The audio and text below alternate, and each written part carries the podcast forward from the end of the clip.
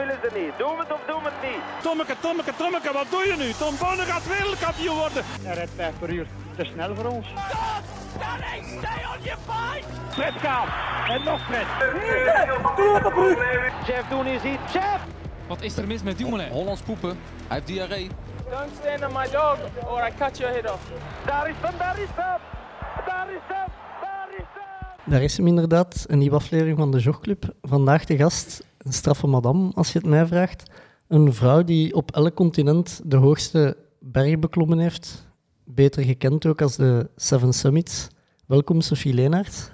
Eh, welkom. Jullie zijn welkom. Dank u. Welkom ook, Seppe. Merci. Merci om mij tot in eh, Kampen uit te rijden vandaag. Alsjeblieft. Want eh, we worden opgevangen bij de kinepraktijk van uw vriend of van uw man, Sophie, klopt het? Ja, dat klopt. Fysiotics. Ja, voilà. Je moet de reclame maken in de, in de podcast. We hebben tot nader order nog altijd geen sponsors, dus eh, al- alles mag vernoemd worden bij ons. Ja. Sophie, een eerste vraag. Je hebt op elk continent de hoogste berg beklommen, als we juist zijn. Ja, dat Ehm, klopt. Je hebt er tien jaar over gedaan, denk ik. Ja, zoiets. Tien jaar, bijna elf jaar. Ja. Ja, hoe, hoe hebben de, de bergmicroben nu te pakken gekregen? Ehm, ik ben eigenlijk redelijk laat begonnen met het klimmen. Ik denk dat ik 24 jaar was als er eh, een kameraad van mij zei van heb je geen goesting om vanavond een keer indoor te gaan klimmen. En dat was heel, heel tof. En daarna kwa- zei we hetzelfde van, uh, wilde ik niet gaan rotsklimmen in Dardenne? Nou, Oké, ja, eh, met knikkende knieën eh, mijn eerste rotsen beklommen. En dan ehm, is dat zo'n beetje verder gerold naar een Via Ferrata in Noord-Italië. En dan naar de Alpen geweest en dan van een klein bergje kwam de grote en het was om zeep. Eh, ik, ik moet oppassen, want ik wil niet van een Via Ferrata is. Ah, dat is, dat is eigenlijk heel leuk. Hè. Dat bestaat van een, ehm, de, de Wereldoorlog. Als men dus eh, snel over de berg wou gaan met een heel legerkolonne, dan moest dat veilig gebeuren. En dan had men ijzeren kabels aangebracht via Ferrata. En Ah. die hangen er nu nog altijd. En dat is voor, voor toerisme is, allee, is, heel tof dat je daar met een heel gezin kunt klefferen op de rotsen van berghut naar berghut op een relatief veilige Ah, manier. ja, ja oké, ik snap het. Ja. Ja. Ja, en dat is ideaal om, om als instap naar de hogere toppen dan en de Wel, meer, ja, als meer het echt- avontuur. Ja, als het echte rotsklimmen je, je niet kan eh, verleiden, zal ik maar zeggen, dan, eh, dan is dat een, een perfect alternatief tussen gewoon wandelen in de bergen of het toch iets pittiger doen.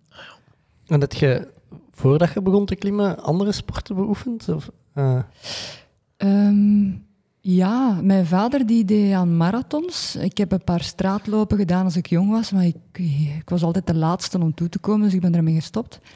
Eh, en dan, ehm, ja, als ik bij de Rijkswacht wou gaan, moest ik ingangsproeven doen, dus dan moest ik wel terug mijn conditie opkrikken. En dat was dus een positief effect, want dan ben ik terug aan sport beginnen te doen. En dan heb ik eh, beginnen ehm valschermspringen in Schaffen. vrije val. En ja, en dan ehm, ja, beginnen kickboksen en parapounten en duiken en skiën en motorrijden. En... Amai, dat is, dat, is wel van, dat is wel van 0 naar 100. ik dacht, we gaan hier rustig ophouden met, met wat voetbal of wat tennis. Of, eh, Nee, allee, ik bedoel, dat is misschien wel tof, hè, die sporten, maar ik vind dat niet avontuurlijk genoeg. Dus ik, ik hou er Ja. wel van om iets, iets ehm, uitdagend, dat moet daarom niet gevaarlijk zijn, maar wel iets uitdagend te doen. En dan wil ik dat ook wel een keer proberen. Zo, ehm, hoe ver kunnen dat drijven? Allee, Ja. ik bedoel, hoe, kunnen daarin worden of, of, of wat kunnen daar allemaal mee doen? ja, ja, een stratenloop winnen, dat kan ook een uitdaging zijn. Hè. Ja, tuurlijk. En je kunt daar ook natuurlijk in, in, in beter worden of sneller worden. Ja. Maar bijvoorbeeld in dat parapounten, je kunt gemakkelijk s'avonds of s'morgens eh, een keer gaan vliegen, maar je kunt ook in de Alpen gaan of een grote berg gaan doen en die er proberen af te vliegen. Dus ja, zo de, de grens gaan opzoeken van wat dat, dat sport kan bieden, dat vind ik leuk. Ah, ja. Doe je dat nog, dat paraplanten? Ja, maar veel minder, want ja... Ik- En in België is dat... eh, wacht, je hebt zo'n plateau aan de Zeven Valleien. Daar, is dat daar dat je vertrekt dan? Of heb je meerdere plaatsen in België waar je kunt... Ehm, je hebt wel redelijke plaatsen, maar die zijn niet zo goed georganiseerd. Gelijk bijvoorbeeld in Frankrijk is dat veel, veel beter. Ehm, en ik vind dat ook wel leuker om te doen als er een berg aan gekoppeld zit. Ja. Ja. Dat, kan ik snappen. Ja, en nu, allee, je hebt vrije valspringen gedaan. Je hebt de hoogste bergen ter wereld beklommen. Is basejumpen de volgende stap? Of? Goh, ehm, dat Dat valschermspringen was wel tof. ehm, maar ik hou er ook wel een beetje van om, om ook te genieten. En, en ik vind, het gaat allemaal dan zo snel ehm, dat het zo eerder een kick is of de adrenaline dan, dan eigenlijk nog het kunnen genieten. En dat parapounten is zo net iets anders. Dat is eerder vliegen gelijk een vogel, vind ik. Dat vind ik mooier. Hoe, hoe lang zit je daarbij in de lucht ongeveer? Ja, dat hangt ervan af hoe goed dat je thermie kunt nemen. Ja. Ehm, als het natuurlijk is om een berg te beklimmen en dan eraf te vliegen, dan heb je op dat moment geen thermiek. Dus dan, dan gaat je niet lang blijven hangen. Maar als het doel is om zo lang mogelijk te hangen, goh, er zijn wedstrijden ehm, die, die kilometers, dagen aan een stuk eh, de, de bergen ingaan. Dus je kunt dat ook zo extreem doen als dat je dat wilt. Oh, ja. De, de Red Bull X-Alps is eh, Ja, voilà. Ja, een wedstrijd. Doet ook elk jaar een Belg aan mee. hè? ja, ja. ja. Tom, Tom Dordelo, maar Ja. ik, weet- ik weet niet of dat hem... Is dat een Vlaming of... Dat is, dat Of is een een Vlaming. Ik denk dat dat een Vlaming is. Ah, dan moeten we die ook eens uitnodigen. Ja, ja, ja. Ik weet wel alles over thermiek. Ik heb vroeger nog modelbouw vlieg- vliegen gedaan. En Ah, dan ja. met zweefvliegtuigen was dat ook. Ja. Dan, Ik heb altijd gezegd dat ik dat eens wou doen. Ah, ja. vliegen. Ja, Kijk. Is er nog niet van gekomen. Dat, Ah, gaat, dat gaat wel komen. ja. En, en nee, dan, ik weet dan ook dat ze dan mij uitleggen, als ze, als ze ergens vogels zien zweven, dan zag ik al die vliegers er naartoe gaan, omdat dan daar een thermiek zat. Dat dat Ja. eh, ook een beetje het lezen van de natuur is, denk ik. Ja, maar dat is er zo zalig aan. Hè. Op al die kleine details moeten letten om dan proberen... eh, want dat is onzichtbaar eigenlijk. Hè. Ja, ja, Ja. ja. klopt. Vraagt heel veel feeling. Dat denk, ja, dat denk ik, eh, allee, dat denk ik wel. ja. En Dat je dat niet zomaar... eh, ja, een beetje het lezen van, eh, van alles, van, van ja, wat, de- wat de natuur doet, denk ik dat dat vooral is. Maar ik denk dat dat met alles is. Ik bedoel, als je openstaat voor, voor de natuur, dan kun je zoveel bereiken. En in dat bergen is dat juist hetzelfde. Dat is ook jaren ervaring opbouwen. En Ja. hoe meer ervaring dat je hebt, hoe beter dat je wordt. En probeer dan die grenzen te leggen. Hè. Want het zijn, het zijn zeven bergen op... Het zijn zeven verschillende bergen. Eh, eh, Helpt dat dan, de, de, de ervaring dat je op de ene op doet, op de andere? Want we zullen ze misschien straks eens overlopen, maar het is wel, als ik het goed heb, heel, heel verschillende omstandigheden. Dat is juist het leuke eraan. Het zijn geen moeilijke bergen. Eh, ze zijn technisch niet moeilijk. Ehm, maar er zit wel een beetje een structuur in. Je kunt van gemakkelijk naar moeilijk gaan. En je kunt het ook ehm, gebruiken om de ene ervaring op te doen en dan een stapje hoger te gaan of een stapje moeilijker te Ja. gaan naar de volgende. Dus voor mensen die, die zoiets zien zitten en die pakken dat dan een beetje gestructureerd aan, kun je eigenlijk die bergen allemaal gebruiken om de volgende berg te doen, om de volgende berg te doen. Ja. En ze zijn allemaal verschillend en het zijn niet enkel de bergen, maar ook de continenten zelf. Andere klimaten, andere culturen. Allee, bijvoorbeeld in Papua, dat was gewoon de max om met die, in die Papua's daar eh, rond te huppelen. eh, een week aan een stuk in die broesen, constant in die moerassen. eh. dat op zich was gewoon al spectaculairder dan eigenlijk de berg Ah, ja, zelf. ja. En hoe, hoe komt er bij het idee dan om die, om die Seven Summits te doen? Is, was dat dan al... Je hebt de ene per ongeluk beklommen en dan gedacht, ah, ik kan er. Ja, eigenlijk wel. Ah ja. Ja. Ehm, ik kende iemand die eh, de Seven Summits had gedaan. Ja. En eh, die nam eh, mensen mee naar die bergen. En ik mocht die mensen mee gaan begeleiden, dus dat was heel tof. En ehm, ja, door het feit dat er altijd vraag is naar die Seven Summits, huppelde ik eigenlijk mee naar de Elbrus en dan naar de Aconcagua. En dan eh, Denali in Alaska is er pas gekomen omdat ik graag 8000 meter wou eh, overschrijden. Ja. En Denali is daar eigenlijk een goede test voor. En daarom heb ik Denali gedaan. Ja. En toen dat er twee expedities van 8000 meter eh, mislukt zijn, dan ja, bleef zo die, die een droom van, ah, kom aan, en dat moet nu toch een keer lukken. En, en, en toen zei iemand tegen mij, ja, waarom ga je niet mee naar de Everest? Dan dacht ik van, ja, de Everest, weet je wel, dat is er zo over... Allee, daar zit zoveel volk op en dat is zo commercieel. En, en eigenlijk druist dat een beetje in tegen wat dan een echte bergbeklimmer van houdt. Dat is die een berg voor u alleen Ja. hebben. Dus ik heb daar lang zitten over twijfelen van, ja, zou ik dat wel doen, zou ik dat wel doen? Maar ehm, een kameraad van mij die zei van, ja, maar ik kan wel zorgen voor sponsoring. En dan dacht ik van, ja, oké, ja, dan mag ik het niet laten liggen. Nee, hè. nee, nee, Dus, eh, natuurlijk. Ja. Ja, voilà. Ja, En- het stond in, on- in onze vragen. Was het Mathieu die had gezegd, in een andere podcast, Mathieu Bonne, die het kanaal heeft overgezwommen, hebben we ook te gast gehad. En die, ja, die heeft ook redelijk wat bergen al beklommen. En hij zei dat de, dat de Everest dat dat ongelooflijk duur is. Ehm, allee, ik durf er niet exact... Ik te- dacht 40.000 euro dat hem Ja, ik heb al veel gehoord. Ik heb al 30.000, ik heb al 60.000 Ja, gehoord. ik denk de goedkoopste zit er rond de 25.000 dollar. Eh, maar je kunt het zo crazy doen als dat je wilt. Dus er zijn er ook van 80.000 dollar. Het hangt ervan af ja, hoe commercieel wil het, hoeveel Sherpas wil het, hoe luxueus wil het. Dus, Is dat, is dat eh, puur het... Met caviar of zo. ja, ja, waar- waarin, zit- waarin zit de, de, de 25 of 30.000 euro verschil, vraag ik me dan af. Ehm, de permit alleen is denk ik 11.000 dollar. Ja. En dan eh, de rest eh, zijn eigenlijk eh, de Sherpas. Hè. Dat, daar gaat een hele grote hap naartoe, omdat ja, alles moet daar in dat basecamp geraken. Dus heel veel logistiek, heel veel transportkosten. Die gaan ook elk jaar naar omhoog. De Sherpas worden beter betaald, maar er is ook meer verzekering. Hè. Vroeger hadden die mannen misschien niks van verzekering en Ja. nu wel, dus dat kost ook allemaal geld. Ehm, ja, eten, helikopterbijstand eventueel, dat zit er soms allemaal in. Ja, mooi. Ik had eh, over het laatst op Discovery Channel een, documentaire gezien over een groep Amerikanen die de Everest ging beklimmen. Maar dat, dat is al, ik denk, van in 2006 of zo. Dus dat was eh, zo Discovery Channel gewijs eh, een hele namiddag een hele reeks uitzenden in herhaling. En er was een kerel bij die wou, die wou een dag vroeger zuurstoflessen als de ander. En dat kostte hem 700 dollar of zo voor die... Per zuurstofles was dat, denk ik. En gewoon omdat hem die dan een dag vroeger wou, moest hem 700 dollar meer betalen. Zoiets wa- was het. Ik denk niet dat een, een fles op zich zo duur Maar, is, maar ja, misschien wel de- om ze het boven te krijgen. Ja, Krijgen, voilà, ja. ja. ja. Ehm, dat is nu wel verbeterd, ehm, omdat ja, ze beseffen wel dat door de zuurstof vroeg toe te dienen, dat eh, de kans groter is dat je op de top staat en dat je minder kans hebt op bevriezingen, minder kans op eh eudeem. Ehm, en dat maakt dat er nu altijd vroeger en vroeger zuurstof gebruikt wordt. Veel vroeger eigenlijk dan, dan, dan in de tijd als ze dat Ja. deden, was dat juist het laatste stukje. Nu is dat soms al... Ik heb al Chinezen zien, zien zuurstof happen vanaf 6000 meter. Ah, ja. Ja. Ja, ik ben ooit de Galibier opgereden en ik kan u verzekeren, ik kon ook wel wat zuurstof gebruiken als ik boven was. En dat was 2700 meter. ik, was toch, allee, ik had daar toch al last van. Maar we, zullen ze misschien eens overlopen. Ja, hè. Dus nog, in- nog even over die... Ik, had, ik kan dat ik gelezen had dat er al zeven de Seven Summits hebben gedaan zonder zuurstof. Dat wat? De, dat, die, dat er al zeven zijn met, met de Seven Summits, eh, maar die dat zonder zuurstof hebben gedaan. Dat weet ik niet. Ja. Nee. Ik weet dat er eh, heel weinig mensen eh, sterk genoeg zijn om Everest te doen zonder zuurstof. Er zijn er niet veel die dat, die dat gedaan hebben. Nee.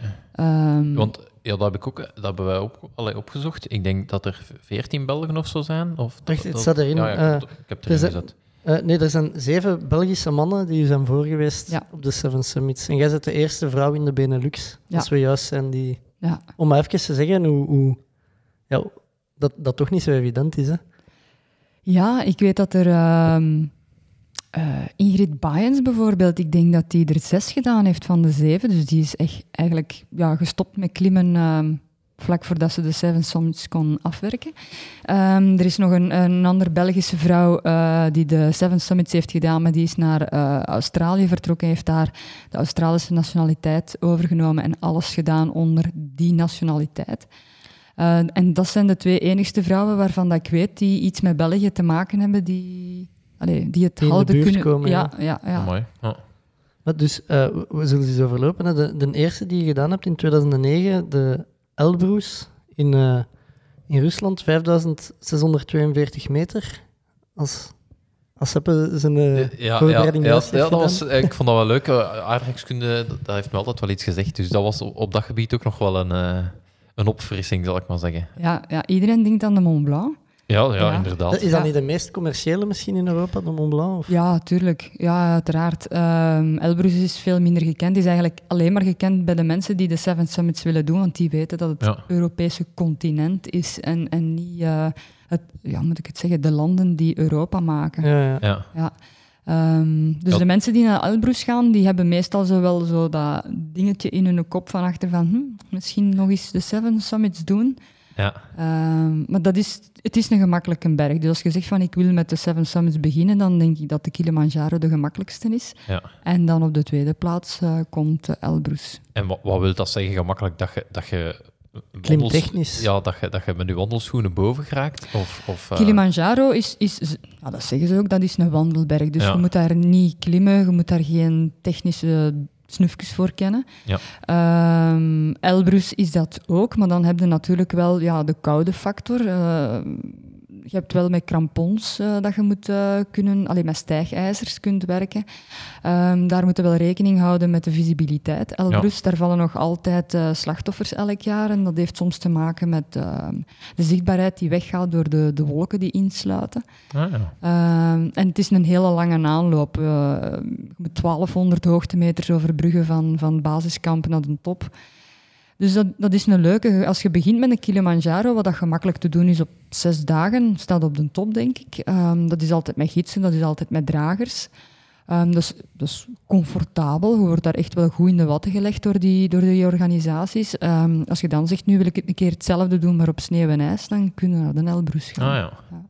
En bij de Russen, hoe was dat? Je daar, daar veel tegengekomen? Of, of hoe moeten we ons dat Ehm, voorstellen? ja, dat was wel grappig. Ik was eh, voor dus de, de groep naar Ginder vertrokken om alles een beetje te organiseren en te regelen. En ehm, ik had zo'n klein boekje gekocht in de bibliotheek van eh, eh, Russisch-Nederlands. Ja. En ehm, ja, Russen kunnen nogal redelijk nors zijn, maar dat, dat treedt meestal op als je die direct gaat aanspreken in het Engels. En Ah. dus ik, zo, ik stap zo een hotel of een ding binnen en ik doe mijn boekje open en ik begin te brabbelen in mijn slechtste Russisch. En die, die gaan dan allemaal in een van het lachen. Maar dan is het ijs ook gebroken. Ja, ja. Ja, dus, ehm, want nu op Vinson zat ik ook met een Russisch team. ja. Ehm, ja, humor en alcohol, dat, eh, dat, dat doet het. Brandstof van de Russen. Ja, dat, dat lijkt mij echt niet, niet een goede combinatie om een berg mee te beklimmen, humor en alcohol. Eh, ja? Ja. De basiskampen, hè. Ah ja, oké. Ja, ja. Toch wel, ja. ja. ja. Ik, ik vraag me af, zijn er ehm, standaarden dat je zegt van je kunt zoveel hoogtemeters op een dag overwinnen? Of hangt dat puur, is dat van berg tot berg verschillend? Ja, ze, ze zeggen wel van hè, je moogt maar x aantal hoogtemeters eh, overbruggen eh, voor je goede acclimatisatie. Ik denk dat het een beetje van persoon tot persoon afhangt hoe dat je gaat aanpassen aan die hoogte. En heel belangrijk is dat je leert luisteren naar je lichaam. En dat je de, je lichaam de tijd geeft. Ehm, wij werken hier in de praktijk met hypoxietraining, gelijk dat ze dat doen op de bakkela, dat juist hetzelfde systeem. Dus dat wil zeggen dat je je lichaam op voorhand gaat trainen naar die hoogte. Dat helpt enorm. Ah, ja. En dan ter plekke nog de, ja, zien dat je natuurlijk ja, voldoende drinkt. En, en als je merkt dat er tekenen zijn, dat je daar eh, verstandig mee omgaat. Ah, ja. Is, is dat wat, wat Lukaku heeft, heeft eh, gekocht onlangs? Dat was gisteren Nee, in het nieuws, denk ik. Dat weet ik niet. Die, had- die had geïnvesteerd. Maar dat was en ik denk dat dat ook een hypoxiekamer is. Ja, dat kan wel. In ieder geval, als, als, ze, als, als ik dopingcontrole heb thuis, vragen ze ook altijd of dat je in een, dat jij in een hypoxiekamer staat. Ik weet niet wat dat is, dus ik zeg altijd nee, nee, nee. ik durf eigenlijk niet vragen wat dat Als- is. Maar nu Als weet ik juist ben, is, is, eh, komt Seppe Smits hier ook voorbereiden met... eh, Ja, ah, ik had dat gezien op, eh, op Ja. Instagram voor, vorig jaar of zo, dat hij hier op de machine... ja. Eh, die is eh, met ons mee geweest naar uh, Piek Lenin, ah ja, eh, een 7000er in, eh, in Kyrgyzstan. En ehm, de mensen die, die mee geweest zijn, die zijn hier allemaal komen trainen op uh, hypoxiek-toestel. Oh, mooi. Ja. amai. Ehm, en de, de Elbrus, hoeveel dagen heb je er vooruit getrokken om om die te kunnen beklimmen? Of? Ehm, Elbrus eh, vergt niet veel tijd. Ehm, als je daartoe komt en dan doe je een acclimatisatiedagje en dan ehm, kun je al een keer naar boven gaan en dan eh, nog een keer een acclimatisatiedag en dan kun je al na- naar de top gaan. Ah ja. Dus eh, op, ik denk op een, op een week Oh, is dat gemakkelijk te doen. En om de, om de hoeveel meter moeten acclimatiseren, zeg maar? Want... Allee, ik, ik vraag me af, zijn daar tabellen voor? Of, eh, Ja, er zijn tabellen voor. Ik denk dat, maar ik, ik durf het nu niet direct zeggen, want ik ga misschien een fout zeggen Ah, ja. hoeveel meters dat je maximaal mocht stijgen. Ehm, maar daar is, daar is een algemene regel voor hoeveel hoogtemeters dat je mocht overbruggen eh per dag. En hoeveel doen jullie er ongeveer? Allee, of, wat is... Ik, ben, ik was twee weken geleden ben ik naar Oostenrijk gegaan en eh, mijn, ik heb tourskis gekocht. en met, met een vriend eh, zijn wij gaan tourskiën en we zijn een, een top, de standskogel, die was 2700 meter. En we hebben, ik denk, 1700 meter. We zijn op 1000 meter vertrokken en op ze- allee, tot op 1700 gegaan dan op één dag. Maar ik weet wel dat wij niet veel tijd over hadden om, om voor de donker beneden te zijn. Ja, dat is Ehm, veel, hè? 1700 eh Ja, daarmee dat, ik- dat vraag hoeveel dat je er zo op een dag ongeveer kunt overbruggen. Allee, ik, ik veronderstel dat hoe hoger dat je gaat, hoe minder dat wordt Ja, dat met de klopt. zuurstof. Ja. Eh, hoe hoger dat je gaat, hoe, hoe sneller dat je het effect gaat eh, voelen van de, de zuurstof die ontbreekt. Ja, en dan is dat moeilijker om die serieus pak hoogtemeters eh, te gaan overbruggen. Dus dan, dan heb ik het over meer dan duizend eh, hoogtemeters. Mooi. Ja. De, de tweede dat je gedaan hebt, een jaar later, de Aconcagua in Argentinië. 6962 meter. Ja, Ehm, een beetje een logisch gevolg eigenlijk na de Elbrus. Ehm, ongeveer dezelfde mensen die ehm, Elbrus hebben gedaan, die wouden Aconcagua doen, omdat Aconcagua is toch eh, net 7000 meter, dus dat spreekt tot de verbeelding. Ehm, het is ook een gemakkelijke berg, dus ook een wandelberg tussen twee aanhalingstekens. Ehm, maar wat maakt het moeilijker, dat is, ja, nu heb je een zware rugzak mee, want je moet alles mee naar boven zeulen. Dus dat wil zeggen, je tent, je eten, eh, al je materiaal en zo. Ehm, en daar waarin dat je van Elbrus naar basiskamp naar de top gaat, dan zitten we met Aconcagua met drie hoogtekampen. Dat wil zeggen, daar is je acclimatisatieproces veel langer. Ehm, en je moet natuurlijk wel al het grief mee naar boven zeulen. Ah, ja. Ehm Aconcagua kan er ook stevig eh, waaien, dus kan er eigenlijk wel eh, lelijk doen. En ehm, de hoogte heeft zich toen wel serieus laten voelen, want we waren met zeven mensen en van die zeven mensen zijn er drie eh, niet boven geraakt door de hoogte. en is dat dan eh, de, de gids of de expeditieleider die ingrijpt? Of zijn dat de mensen zelf die aangeven dat ze, ze het niet meer? Ehm, het hangt er een beetje vanaf. Hè. Elke expeditieleider of, of gids eh, pakt dat op zijn manier aan. Ehm, toen dat wij hem gedaan hebben, ehm, laat hem eigenlijk de mensen zelf de beslissing nemen van eh, het, is, het is hier goed geweest, maar als hij merkt van eh, ja, het gaat hier echt de verkeerde kant uit, dan gaat hij daar wel een woordje mee doen en zeggen van denkte niet, voelde niet dat dat het eigenlijk niet goed gaat en, en het wordt alleen maar erger. eh, want dat is met hoogteziekte zo. Hè. Hoe, hoe meer dat je blijft stijgen, hoe, hoe slechter dat wordt. Hè. Ja. Want ik kan me voorstellen dat als ze zelf niet meer op... Allee, het is niet alleen hun eigen dat ze in gevaar brengen, maar ook de groep hè, die... Ja. Nu, op bergen waar dat het technisch gevaarlijk is, daar moet je inderdaad veel vroeger ingrijpen. Op een berg waar, waarin dat je enkel kunt wandelen of naar beneden kunt stappen zonder een cordé te moeten gebruiken of zo, dan valt dat nog wel best mee. Ik moet weer passen bij een cordé. Touwen niet. Een touwtje, hè. Ah, oké. Een speciaal touw dan? Of een, eh, Ja, een klimtouw dat tussen de verschillende klimmers wordt eh, aangebracht. Ja. Ah ja. Oké, ik ben mee. Eh, ik zal u even meegeven, Sophie. Seppen is niet zo thuis in de wereld ik- van de Ik avonturiers. heb, voor, ik heb vorige keer mijn zotste bergverhaal verteld en dat was het rijden van de marmot eh, in, in Alpen. Dus. en uh, Galibier, ik was zo nadenken, wat is het hoogste dat ik weet ben? Dat, zal, dat is de Galibier, dat was 2700 meter. Wel, wel met de fiets opgereden. Dus. Ja, ja, sterk. Je kunt ook nog... eh, kol- En echt, ik dacht echt wel dat ik al hoogteziek was, moet ik zeggen. Dat Is dat niet boven de 4000 pas dat dat begint op te spelen? Hoor? Ehm, sommige mensen zijn daar heel gevoelig aan en die krijgen het al eh, vanaf 3000 Ah, ja. meter. Mensen die soms gaan skiën hebben daar zelfs last van. ah, oké. Ja, en dat is heel persoonlijk. Ik, ik denk dat ik, ik had gewoon een hongerklop en ik had het, en het was, ik had het wat kou. En ik, had- ik, ik, ja, ik zag echt dubbel. En ik, eh, was dan ook zo, ik zat als dan ook zo in mijn hoofd van, ah, ik, ik heb last van de hoogte. Ik moet snel naar beneden, maar eh, ja. En dan Kun- beterde dat wel, maar het werd ook wel wat warmer. En Kun je, je moet niet meer trappen. als ik me niet vergis, is Col de la Bonnette het hoogste punt dat een Tour ooit heeft aangedaan. Dus die kun je ook... Ah ja, kan eh, opbouwen. Ja, Ja. kun je eigen, je eigen record verbreken. Ja, maar ehm, iemand eh, van waar ik, waar ik mee samenwerk, van, van Orbea, die heeft de Kilimanjaro, denk ik, met zijn fiets opgereden. Allee, die heeft Met een mountainbike. Ja, Ja, ja. dat wordt nu meer en meer gedaan. Ja. Ja, Ah, dat gaat dus echt. Ja, tot op een bepaald punt. Ik bedoel, op een zeker moment moet je hem gewoon eh, vastpakken en beginnen dragen. eh, maar Ja. het kan wel zeker en vast. Ja. Ja, maar ja, dat levert ook schoon foto's op. Hè. Dus, Ja. Ja. ja. Ik ga het niet nadoen. nee. En dan tussen Aconcagua en uw volgende Denali, daar zit twee jaar tussen. Heb je twee jaar niet geklommen dan? Of Jawel, Ja. veel geklommen, maar dan... geen, ehm, geen van de Seven Summits? Nee, nee, nee. nee en, en Denali is er niet gekomen omdat het een Seven Summits was, maar wel als voorbereiding voor een 8000er. Ah ja. Ah, oké. Ja.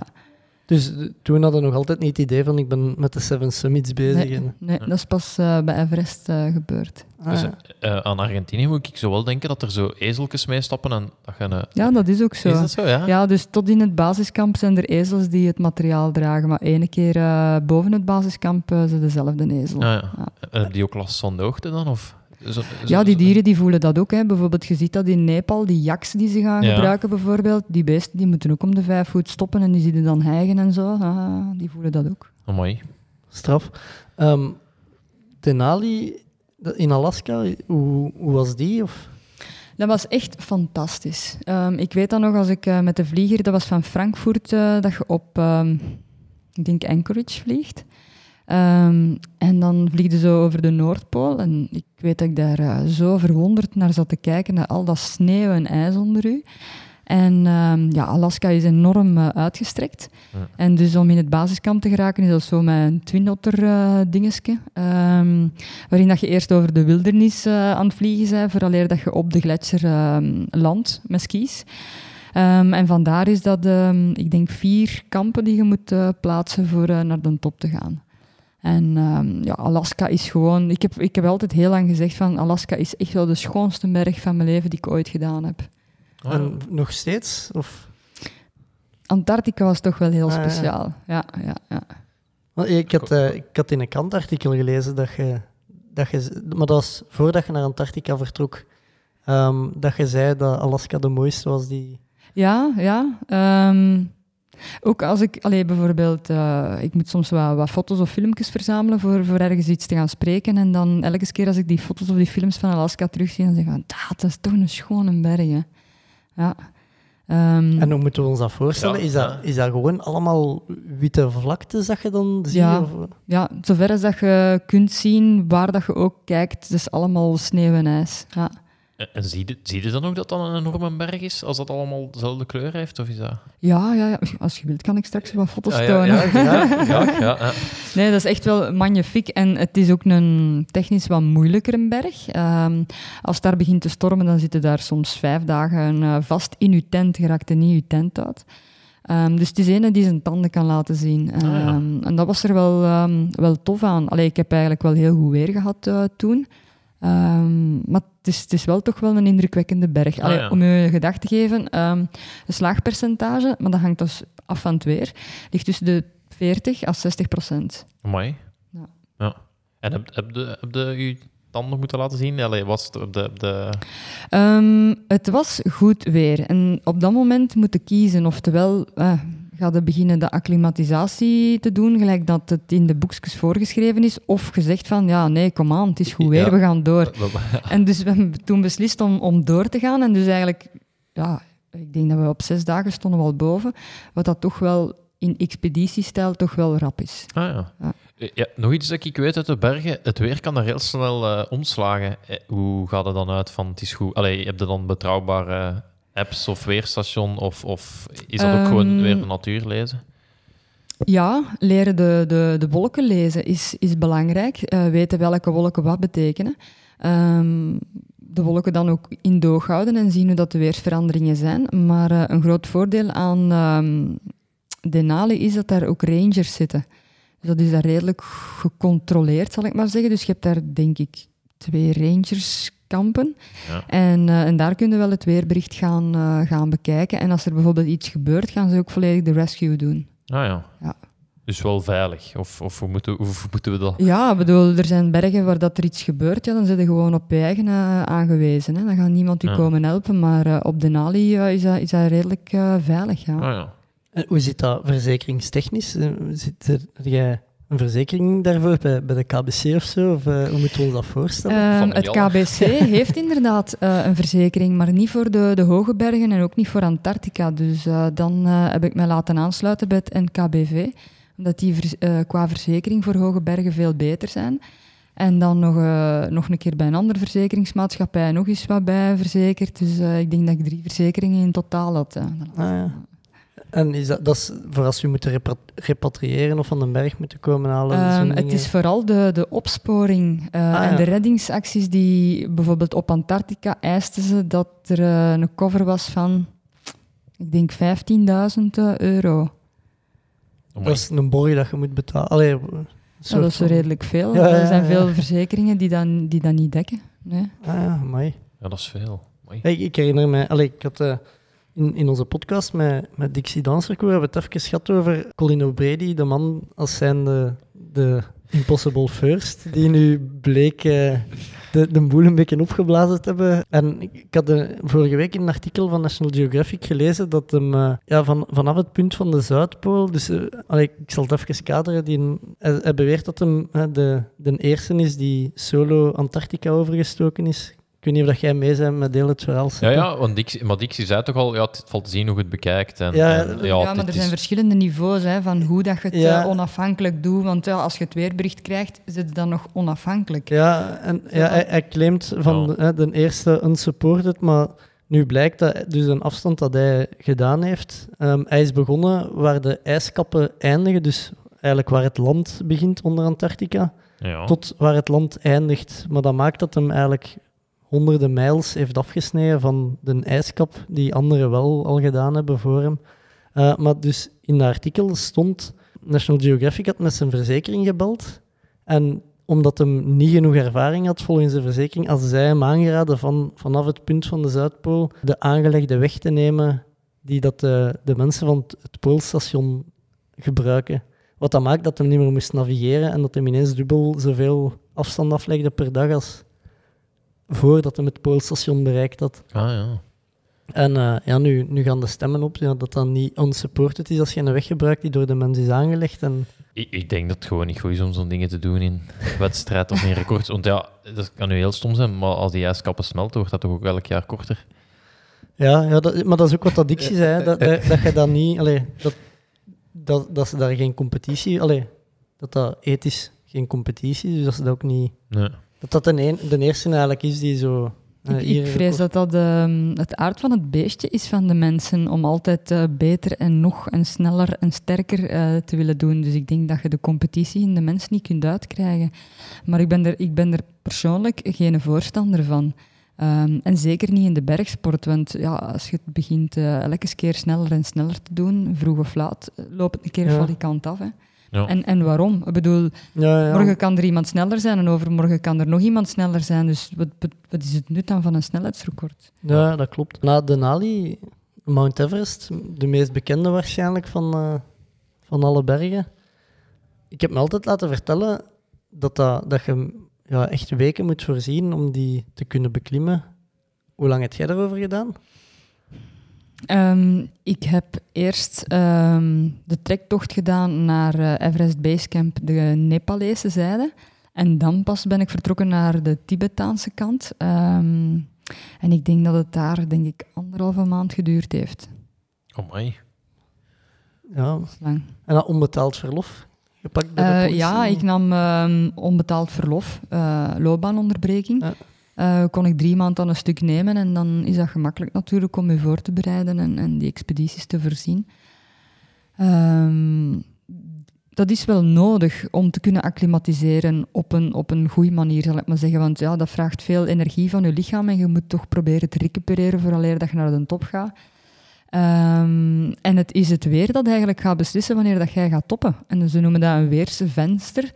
Ehm, en die beslist eigenlijk eh, wanneer dat het gaat gebeuren. En als dat heel laat valt in het jaar, dat de, de jetstream eigenlijk van de bergtop afgaat, ja, dan wil iedereen onmiddellijk naar boven. Maar ja, als je daar met honderden mensen zit eh, die naar boven willen, dan, Ja. dan is dat zo van, ja, wanneer ga jij, wanneer ga jij? En dan, ja, dat, dat, eh, dat, dat window is maar drie dagen.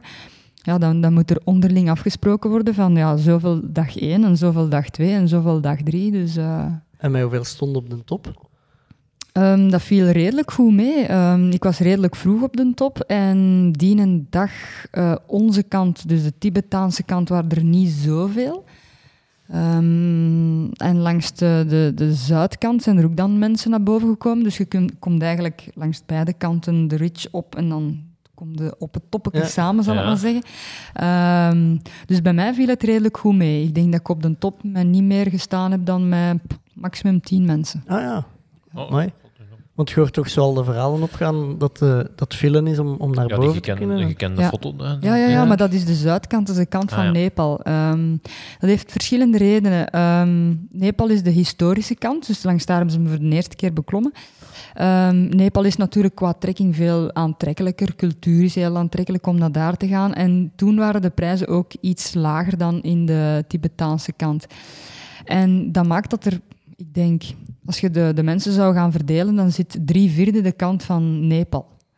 En ehm, ja, je kunt daar maar langs één wegsken eh, van, van het hoogste kamp naar de top en terug. Dus je moet elkaar passeren. Maar dat is natuurlijk, als dat op hegelpunten gebeurt, dat is echt wel een probleem. En als die, die want ik geloof dat er, eh, was dat vorig jaar, dat er zo tien of elf doden gevallen zijn op eh, Everest. Dat kan, Ja. ja. Ehm, dat was eigenlijk omdat die weersvensters zo piepklein waren. En dan heb je dus het probleem dat iedereen op hetzelfde moment wil gaan. En ja, dan geraakte daar in de, in de nesten hè, daarboven. Ja. Ik had ook al gehoord dat er veel eh, niet slagen in hun poging, gelijk dat je zegt, omdat ze te lang moeten aanschuiven bij, bij de kritieke punten, bij de ladders en zo. Nu, in de zuidkant heb je geen ladder. eh, de noordkant die ik gedaan heb, heb je dat wel. Ehm, maar als je gewoon heel vroeg vertrekt, dan zit al de hoop voor.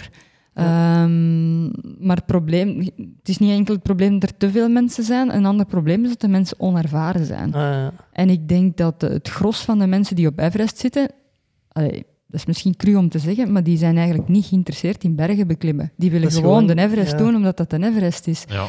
En die mensen die hebben geen knijtervaring. Ik heb daar dikwijls mensen gezien die, die voor de eerste keer een piolet in hun poten kregen en, en, en met een jumare aan het prutsen waren aan, aan een touw. Dat je denkt van, oh my god, je gaat hier wel naar de Everest. En die mensen die sleuren ze naar boven, ja, omdat die gewoon zoveel betalen. Ja. Punt. En, en, en, en daar kom je dus mee naar boven. En die zijn totaal onervaren. Die weten ook niet wanneer dat, dat lichaam op is. Ja. En, en die blijven maar gaan, want ja, die een top en dat heeft hun 60.000 gekost. En die een top en die een top en die blijven gaan. En op een zeker moment zegt dat lichaam, gedaan. En dan zitten ze natuurlijk vast daarboven en daar halen ze niet meer naar beneden. En dan sterfde daar. Hè. Oh my. Kom, moet je dan over de lijken naar boven als je, als je zegt? Of is Je dat... komt die tegen. Ja. Boe. Ah, en je ziet die echt al liggen? ja, die liggen in de weg. Ja. Amai. Maar allee, ik bedoel, er zijn twee redenen. Eén reden is normaal gezien voor, voor de, hun geloof. Normaal gezien, als je sterft op de berg, dan behoorde op de berg. Ah, en dan ja. blijf je eraf van dat lichaam. Ehm, soms zijn er mensen, allee, hier in Europa, ja, wij willen per se een lichaam gaan Repatriëren. repatriëren of, of, of een graf geven. Ehm, dat wil zeggen dat jij mega veel geld gaat moeten neerleggen, omdat eh ene keer als je boven die 8000 meter gaat, dan moeten die Sherpas, dat lichaam, die patattenzak van 80 kilo bij wijze van spreken, op veilige manier naar beneden brengen. En dat houdt veel risico's in. Dus je hebt vele Sherpas nodig om één lichaam te kunnen eh, bergen. En ehm, ja, is dat eigenlijk wel de moeite Ja, waard om die is op de mensen... kolen waard. Amai. Ja, voilà. Ja. Eh, ik had gelezen in een krantartikel ehm, dat jij daar ook wel mee bezig waart dat het kon mislopen en dat je een videoboodschap is hebt opgenomen en eens een keer een brief geschreven. Ik heb dat gedaan voor, voor Everest, ja. Ah, ja. Omdat En ja, er zijn altijd factoren die je niet in de hand hebt. Ja, hè. Hoe dat je nu draait ja. of keert, dat zijn nu eenmaal de bergen. Ehm, en dat is eigenlijk de eerste keer dat ik zoiets had, zo van, ha, weet wel, Ja. ja. als het hier misloopt, dan kan het wel serieus mislopen. En dan, ja, wat dan? En dan ehm, ja, heb ik dat inderdaad gedaan. Zo een videoboodschap ingesproken en, eh, en eh, een brief geschreven aan mijn man en een brief geschreven aan mijn ouders. Dat ik zei van, kijk, als er iets gebeurt, dan pas mogen dat lezen. Maar ja, hoe raar is dat om dat te doen? Is dat niet... Dat is vies. Ja, maar ik kan me ook wel inbeelden dat dat, dat dat een opluchting is dat je dat, dat, je dat hebt. Dat je dat je- gemoedsrust geeft. Ja, ja. Ehm, ik ben heel realistisch in, in wat betreft eh, leven en dood. Dat heeft te maken met mijn werk. Ik heb mensen ja, in mijn armen zien sterven, bij wijze van spreken. Dus ehm, je kunt dat dan wel plaatsen. Dat, Ja. dat leven in een knip kan gedaan zijn. Ehm, je kijkt dan ook anders naar het leven toe. Van, je apprecieert het meer langs de ene kant. Ehm, en ik heb altijd gezegd van... ehm, ik wil het maximaal eruit halen wat, dat, wat ik er kan uithalen. Dat ik, als ik morgen mijn kop kom neer te leggen, dan kan ik zeggen van... Ik ben content met, met Ja. wat ik heb kunnen doen in mijn leven. Dus dan weten van, als je in de bergen gaat en het zou mislopen, dan zijn je daar ook realistisch in. En dan zeg je van, ja, als het gebeurt, ja, dan, dan gebeurt het. Hè. ja. En hadden dan ook beslist om te blijven liggen? Of... Ah ja, nee, mij moeten ze niet komen halen. En is, is dat iets dat je, dan op, dat je dan ook op voorhand... Eh, ja, ja, laat me maar liggen. Ja, En als ik dan toch terugkom, dan mogen mij cremeren of zo en op een berg uitstrooien. dat zou, dat zou wel helemaal raar zijn als ze er dan afhalen willen en dan er terug op moeten. Ze moeten mij er niet afhalen, hè? maar Nee, bedoel, nee, als maar ja, er iets zou dat gebeuren... doen. Stel dat ze dat doen, is dat toch... Natuurlijk, ja, dat is, dat is mijn wens. Hè. Als Ja. mijn ouders zeggen, nee, wij willen absoluut dat ze naar huis komt, ja, dan, Ja, ja, dan heb ik daar ook respect voor. ja, dat is waar. Ja. Wat, wat ik mij afvraag is, als je zo bijvoorbeeld een Mount Everest, je hebt al gezegd, er zijn Sherpas die, die je dan moet betalen voor eh bazaar mee naar boven. Allee, bazaar mag ik niet zeggen, maar... eh, Corbees, cor, voor- Cordees. Nee, voor Cordees, zuurstofflessen en zo eh, mee naar boven. Dus hoe zit dat juist in... Allee, hoe zien jullie groep eruit als, als jullie zo'n Mount Everest doen? En, Ehm, onze groep, ja, gelijk dat ik zei, veel onervaren mensen. Dus in mijn groep zat eh één Belg, maar die had eh, al redelijk wat ervaring. Die klimt veel in de bergen en die had al een 8000er gedaan. Ehm, en dan in de, was er één een Indiër, een hele jonge gast, crazy. Ehm, die had eh, zijn huis in Borg eh, gegeven om genoeg geld te hebben om de Everest te kunnen beklimmen. Want voor Indiërs kunnen die stijgen, allee, krijgen die meer aanzien. Dus die Ah, ja. denken effectief, als ze de Everest hebben beklommen, dat die betere zaken gaan doen, dat er deuren gaan opengaan en dat hun leven tien keer meer waard is. Eh, die had geen knijtervaring. Ehm, en dat was een Indische dame, maar die had wel eh, redelijk wat geklommen ehm, in Nepal en in Indië. Hij was trouwens ook een politieofficier, dat was wel grappig. Ehm, dan zat er een Amerikaan in, een Amerikaanse gids, eh, een jonge gast die hem zonder zuurstof wilde doen. Dus eh, het, was, het was gemengd. ja. en is je boven geraakt zonder zuurstof?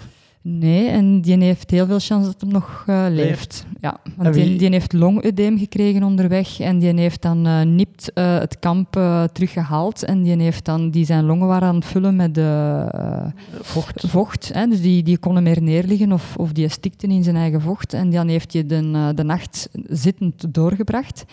Eh totdat het 's morgens was. En dan is ze hem naar beneden gestroempeld. En, en daar hebben ze hem dan eh, in Basecamp eh picuur gegeven. En dan eh, met drie mensen en een jak ondersteund om terug eh, in de bewoonde wereld te brengen. Ja. En wie was een Belg in uw groep? Eh, Paul Hegge. Ah ja. Ik dacht even Paul Reigers. Ik, was, ik was klaar om in te pikken. Paul Severs, nee, nee. nee. moet een zekere vorm van, van geluk ook hebben als je de Everest wilt toppen. Want eh, ik denk Jelle Veit, die bij Alex nu in de podcast had gezeten, die zei dat hij drie pogingen had moeten ondernemen om Everest te doen. Omdat die hadden eens een lawine of zo hebben die gehad. Ja. Eh, als die, allee, in een of ander, ik weet niet juist in welk kamp dat hem zat. Hij maar- zat in het basiskamp, de Nepalese kant. Ja, en ja, die hebben, ik weet niet wat, een lawine, bijna hele kamp was weg. toen Ja. zijn er, eh, ik denk, Er zijn verschillende mensen Ja, ja, ja, gestorven. ik denk dat er 17 Sherpas eh, zijn omgekomen. Ik denk dat dat is het grootste ongeluk eh, dat eh, gebeurd is op Everest. Oh, mooi. Daar staan video's van op zijn website ook. Ja. Eh, allee, dat, is, dat is indrukwekkend, want allee, dan, dan zie je eigenlijk wel een impact dat een lawine kan ja, hebben. en ehm, in 2017 ehm, zijn Stef en ik naar eh, Lotse gegaan. Lotse is eigenlijk het zusje van de Everest. Dus dat, moet ik het zeggen, voor drie vierde loopt de route hetzelfde. En dan helemaal op het einde splitst, splitst de route in twee. En toen eh, moesten we dus ook door die Kumbu-ijsval. Ja. Ehm, dus, eh, en dan loopt het inderdaad zo in een, in een vallei. En dan, daar hangen allemaal hanggletsjers. En het is toen een van die hanggletsjers die naar beneden gedonderd is. En we hebben er toen voor gekozen om zo minimaal door die eh, Kumbu-ijsval te gaan, want dat is eigenlijk een, een, een labyrint met een Russische roulette. Omdat die, die ijsschotten die, die vallen te pas en te onpas, zakken die in elkaar. Ehm, ja, daar, daar wilde niet blijven hangen. Ik had, ook- ik had eh, een paar maanden, ik denk twee maanden geleden of zo, een video gezien van atleten van de Noordface die, die Lotse naar beneden zijn geskiet. Ja, Eh, dat, dat koppel. ja, Ja. echt indrukwekkend. Allee, die beelden zijn, zijn super indrukwekkend. Dus Ja, ik vraag me af wat dat is als je op de Everest staat. Dat, allee, dat, dat is een, dat is indrukwekkend. Ja, al dat is de- echt... Dat is echt het, allee, de dat top zal van wel de wereld. Ja, voilà. Je zet het hoogste puntje van... Je kunt niet hoger. Dat toch- Ja. En had, had je goed zicht boven? Of was het bewolkt? Ehm, het was een beetje aan het, eh, aan, het, ja, aan het schemeren, zal ik maar zeggen. Alleen niet aan het schemeren, ik bedoel, er waren zo van die sluierwolken. Ehm, maar er was weinig wind, eh, gelukkig. En ehm, ja, ik weet nog dat ik, dat ik op die top stond en dat dat eigenlijk niet te goed doordrong van ehm, waar dat ik stond. En ik had geen emoties. Ik dacht van, ja, normaal komt het een top en dan... Hè. Ja. Maar ik stond daar op die top en ik had zo niks van emoties. En ik besefte dat en ik zei zo tegen mijn eigen van... Hé, maar besefte je eigenlijk nu wel waar dat je staat? En dan was ik zo echt aan het rondkijken van... Fuck, jong, ik sta hier op het dak van de wereld. En dan... wii, dan kwamen de traantjes. Ah, ja. Kun je, kun je dat, dat niet direct? Of? Nee, nee. Ja, alles was wel bevroren. Allee, bedoel, je hebt zo een eh, masker aan voor je Ja. zuurstof, maar je hebt natuurlijk de, de uitasemen.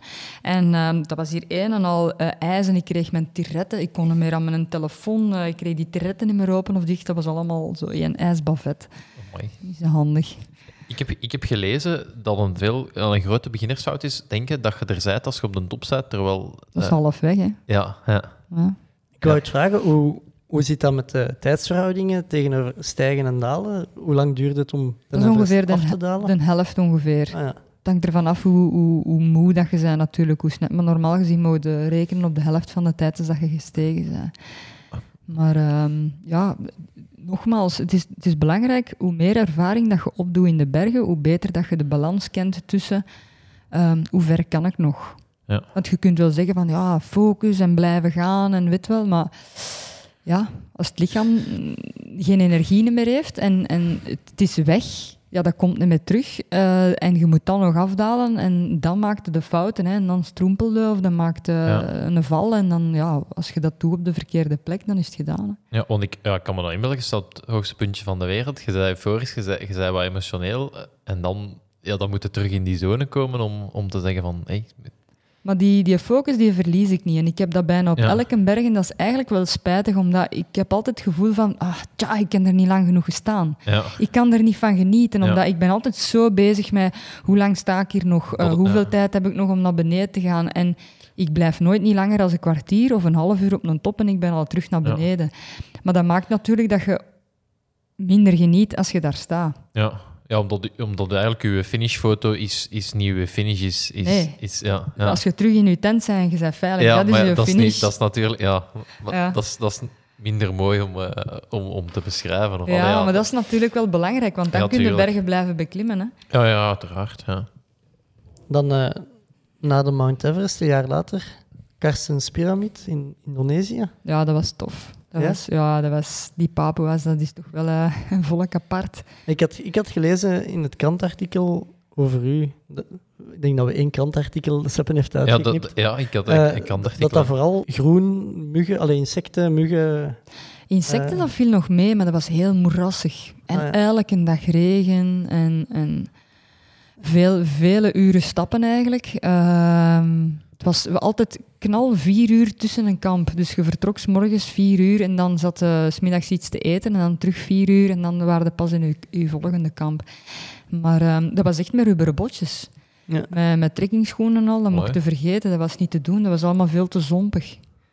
En, en Echt met botten voor naar de kost te gaan. eh. Ja, ja. Dus de, de klimschoenen die zaten eh, veilig weggestoken in de rugzak, maar heel die trekking is met, met rubberen botten gedaan. En, ik ben, eigenlijk- en een paraplu. Ik ben heel blij dat ik dat zo gedaan heb, want anders was dat niet te doen. ja, oké. en is, eh, ik weet niet, Gore-Tex-bottinen en, en getten geen oplossing dan? Of? Nee, niks kan tegen die rubberen botjes. Ja. Ik kan me Heel voorstellen sexy trouwens. dat je, Ja. dat je daar rap blijnen in stapt of zo. In, in, in Ehm, ja, ja dat, dat- uiteindelijk viel dat wel mee. En dan eh, moesten we dikwijls zo een, ehm een rivierken eh, oversteken eh, en dan moest alles uit. En zo, en zo ene keer, eh, ja, we moesten nu materiaal, oftewel doe je dat op je rug en dan kruipte die rivier over, oftewel eh smijt je dan aan de overkant. Ja, en ik, ben, ik en smijten, dat komt niet goed. Dus ik met met mijn rubberen botten en ik smijt en ik smijt die gewoon knal in die rivier. en ik had zoveel chance dat een Papua dat gezien had en die stond een beetje eh, stroomafwaarts. En die is dus naar mijn botten gesprongen en die heeft mijn botten kunnen redden, want anders had ik dus echt wel een probleem. Maar dan wel moeten verder stappen met natte botten daarna. Eh, ja, oké. ja. Ja. Maar ja, natte botten of geen botten. Allee. ja, die kies dan wel voor natte botten. Ehm, die, eh, de Karstenspyramide is ook... eh, daar zijn er twee verschillende mogelijkheden? Of, of omdat die... Ja. Ja. Je, je gaat het beter kunnen uitleggen als mij, want ik... Je kunt dat doen met een helikopter, maar ik bedoel, dan zit je gewoon het avontuur aan het voorbijgaan. ja, dan Dus- klim je niet. Ah ja. Jawel, ja, maar dan kom je in, met een helikopter in het basiskamp. Ah, ja, En dan En dan Ja. vanuit Ja. basiskamp Ah, ja. doe je de beklimming en dan terug de helikopter in en terug buiten. Maar ik bedoel, dat, is helemaal naast het principe van, van klimmen. Ehm, en dan eigenlijk ligt dat knal tegen een grote mijn. Maar die mijn, dat is absoluut verboden terrein. Ah ja, dus Ehm, dat was dus daar, daar ik. niet in, want het is al gebeurd. Eh, trouwens, als we daar waren, zat daar een Indiër vast en een helikopter wou niet komen. Ehm, en die, we hebben dat dan achteraf gehoord, eh, die is dan in de mijn gegaan, want die zag dat niet zitten om zes dagen trekking te doen. En die hebben ze gewoon in de gevangenis gestoken. En wat, ge- wat gebeurt er in die mijn dat niet gezien mag worden? eh? Ik, ehm, ik denk dat dat zelfs een Amerikaanse mijn is. Oei, oei. Ehm, ja, en dat, dat, is, dat is redelijk eh loesje dingen die daar gebeuren. Ja. Ja. Eh, zeg, Je mocht gerust wat conspiracy-theorieën of... of eh, Ja, bon, als ik dus morgen verdwijn, dan weten wat er met mij gebeurd is. Ik denk niet dat we Amerikaanse luisteraars hebben.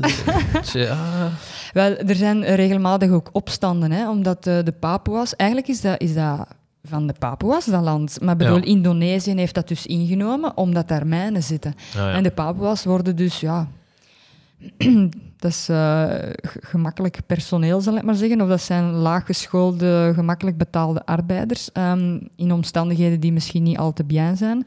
Ehm, maar daar zitten, ik denk dat daar zelfs niet alleen Amerika tussen zit. Ik denk dat daar verschillende continenten eh, die mijnen ontginnen. Oké, mooi. Maar daar moet heel veel eh, geld mee te verdienen zijn, want daar, die laten daar echt niet ene kijker toe. Allee. Ja. Maar jij zei iets, Sepper, van... Ja, dat, dat het dus ehm, ook even verboden terrein is geweest, de top zelf, waardoor je ook een hebt op het Australisch vasteland, die je ook als Seven Summits kunt. Wel, het is een beetje niet echt. Het is gewoon de discussie over eh, wat is nu een continent. Ja, ik zou En- zeggen Oceanië. Ja, ah, wel, voilà. Dus dan hebben we dus de Karstenspiramide, die de hoogste is. Maar sommige mensen aanschouwen Australië op zich als een continent. Oei. En dan heb je een- de hoogste bergen. Dat is gewoon een heuvelke waar dat je... Ja, dat is 2200 meter ja, je wandelt daar naartoe Ja. in, een- in een paar uur en je staat erboven. Ja. Ja. Ja, En dan, ja, zeg maar. Dat is dan echt, ge- dat is dan echt eh, een, een geografische discussie. Dan, eh, ja, eigenlijk wel. Ja. Maar dat, is, ah, dat zijn mensen dat dan niet, niet lang dat school zijn geweest, of zo denk ik. Dat. Allee, ja, Oceanië, dat lijkt me nu toch Maar voor, duidelijk. mij, voor mij gaat het eerder van, van het avontuur te kunnen doen. En, Ja. en ik vind zo'n trek, trekkingsheuvelrug, ik vind daar niks interessant aan. Dus Nee, die, nee. die papen was, dat was eigenlijk de max. Ja, ja tuurlijk. Dan eh, een jaar later heb je, 2018, eh, Kilimanjaro. We hebben het daar, net al eens over gehad. Dat je die, allee, Dat was heel tof, ja. Dat hebben we met een groep met, ik denk, 16 mensen gedaan of zo. En eh, de kinderen van eh, mijn man waren erbij. En dan het liefje van de, vriendin, van de dochter. En dan de, de papa van het liefje van de dochter was er ook bij. Dus er zaten heel veel vrienden tussen en zo. Dus het was eigenlijk een toffe, leutige bende. Dus we hebben daar echt veel plezier gemaakt op de Kili. en, en zijn er andere van die benden die nu ondertussen ook de Seven Summits... Allee, als je er dan toch Ja, één 1 op 7 dan al. hè. 1 op 7, ja. Dan zijn er nog Eh. maar zes eigenlijk. eigenlijk. Wel, ik weet wel dat er van die mensen graag bijvoorbeeld Aconcagua zouden willen doen. Ehm, er zijn dan ondertussen eh, andere mensen meegegaan naar eh Piek Lenin, eh, waar dat Seppe Smits Ja. onder andere naartoe gegaan is. Dus ehm, ja, de meesten hebben toch wel de, de micro te, te pakken. Als dat dan een makkelijker een berg is, zie die voorbereiding er dan veel anders uit? Als dat je aan een... En, en Het hangt er een beetje vanaf welke conditie dat je hebt. Dus ehm, als je niks van conditie hebt, dan gaat het daarop afzien. Ja. Zorg je dat je een goede basisconditie hebt en, en je doet wat van die hypoxic-training, dan eh, gaat het allemaal veel gemakkelijker Ja. gaan. Hè. Dus als ik zeg van ik wil de Kilimanjaro doen op, op twee weken, ga ik, gaat dat wel lukken? Als, ja, als- tuurlijk. Ja. De snelste route is in drie dagen en de langste route is negen dagen. Ah, ja. En dat heeft allemaal een beetje zijn voor- en zijn nadelen. Hè. Pakte die van negen dagen, dan zie je een berg van drie of vier verschillende kanten. Eh doe je die van drie dagen, daar is de slaagkans veel minder. Ja. Omdat ja, van in drie dagen naar 6000 meter, ja. En, wat moet, snel. en wat moet ik goed kunnen? Wat moet ik, wat moet, want ik, ik heb ene Een keer... eens- positieve ingesteldheid. Eh, ja, ik heb, ik heb ene keer eens met ons mama eh, gewet dat ik zonder voorbereiding 50 kilometer kon wandelen. dat viel toch lelijk tegen. en ik had vooral last mee... eh, ja, wij woonden in, eh in Wijgmaal en na een uur stappen waren we maar in Leuven. En ik kon, dat, ik kon dat niet aan, dat dat zo traag ging. Dus ik, ik, ik zou wel een bergklim, maar ik zou ook wel Maar je moeten hebt daar zien... ook trailruns, hè? Je hebt ook eh, loopwedstrijden hè, op Ah, Kilimanjaro. ja, dat, is al, dat is al beter. Ja, voilà. Ja. Kun je daarop trainen. Maar hè? ik moet ook wel zien dat ik vooruit ga. Ik kan me inbeelden dat je soms op een berg, ehm, al- als ik dan eh, de kools dat ik dan opgefietst heb, eh, ja, dan ga je ze dan aan het klimmen, maar je hebt totaal geen idee dat je, aan het- dat je, dat je dichter bij een top komt of zo. Wel, dat is een beetje, ehm, dat is een klein beetje de mindfuck hè, dat je hebt op Ja. een berg. Ehm, dat is, het gaat soms tergend traag en het is uren aan een stuk. En tijdens die uren heb je zo een duiveltje en een engeltje dat op je schouder Ja. komen zitten. En de ene hè, is je moed aan het inspreken en de andere zegt, waar zijn je mee bezig? En stop daar toch mee en allee, en ga jij nu echt nog... En dat is, ja, je moet je gewoon zo doef, een- Ja. een map geven dat je eraf vliegt en gewoon blijven doorgaan. Ja, ik, ik weet, allee, een van de eerste eh calls dat ik ben opgefietst was de Croix de Fer. En ik, ik had dan wel zo mijn, mijn hoogtemeters opgezet. Dus ik zag wel dat ik, dat, ik, dat ik aan het klimmen was. Maar waar ik dan echt helemaal zot van werd, was dat je dan een afdaling hebt van twee kilometer. Want dan, ja, dan wist ik dat, dat, dat ik dat terug omhoog moest. Want, ja, dat, dat- en uh, ik maar heb je dat soms? Dat je, dat je Ja, je hebt dat soms. een berg aan het beklimmen bent en dat je even terug een stuk naar beneden Ja, hebt. ja, ja, op Piek Lenin uh, bijvoorbeeld heb je dat. En dan zit je in het hoogste kamp en dan moet je eerst een heel stuk naar beneden. En dan heb je uh, tergend lange aanloop tot een top.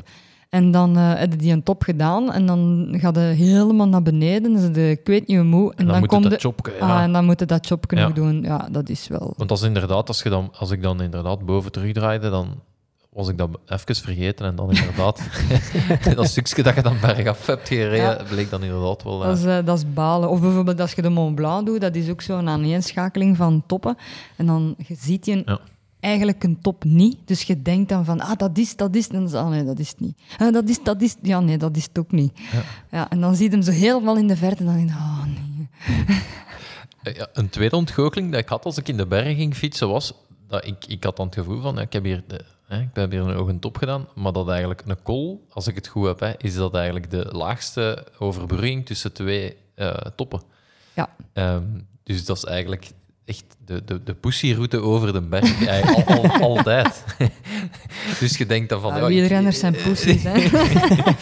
ja, eigenlijk, eigenlijk wel. Want ik, ik, was dan, ik zag dan zo op dat kaartje en ik zag dan zo, oh my, dat zijn hier wel veel hogere toppen. Maar daar, daar komt je uiteraard niet met de fiets. En dat is, dat is, dat is iets historisch, dat de weg waarschijnlijk altijd over het laagste punt gaat. Dus, Ja, ja, en dat is ook meestal. Hè. Een normaalroute gaat meestal eh zoekt de gemakkelijkste weg. Daarom noemt dat ook de normaalroute. Hè. ja.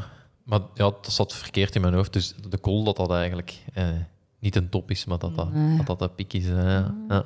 Je hebt dan eh, als laatste nog Mount Vincent op eh, Antarctica. Maar ik, ben ik juist als ik zeg dat dat misschien het grootste avontuur is? Of was van... eh, Nee, dat was niet het grootste avontuur. Ehm, het was wel iets heel speciaals, omdat ja, als kind keek ik heel veel nat- natuurdocumentaires. En ehm, ik vond Antarctica altijd zoiets ja, iets magisch. Zo, zo- er is geen enkel continent dat is gelijk Antarctica. En ehm, ik denk niet dat, dat een normale mens, of gelijk ik als een klein meisje, dat je denkt van, ah, je vindt dat fantastisch, maar je denkt niet dat je dat ooit gaat Ja, kunnen ja. zien in het echt.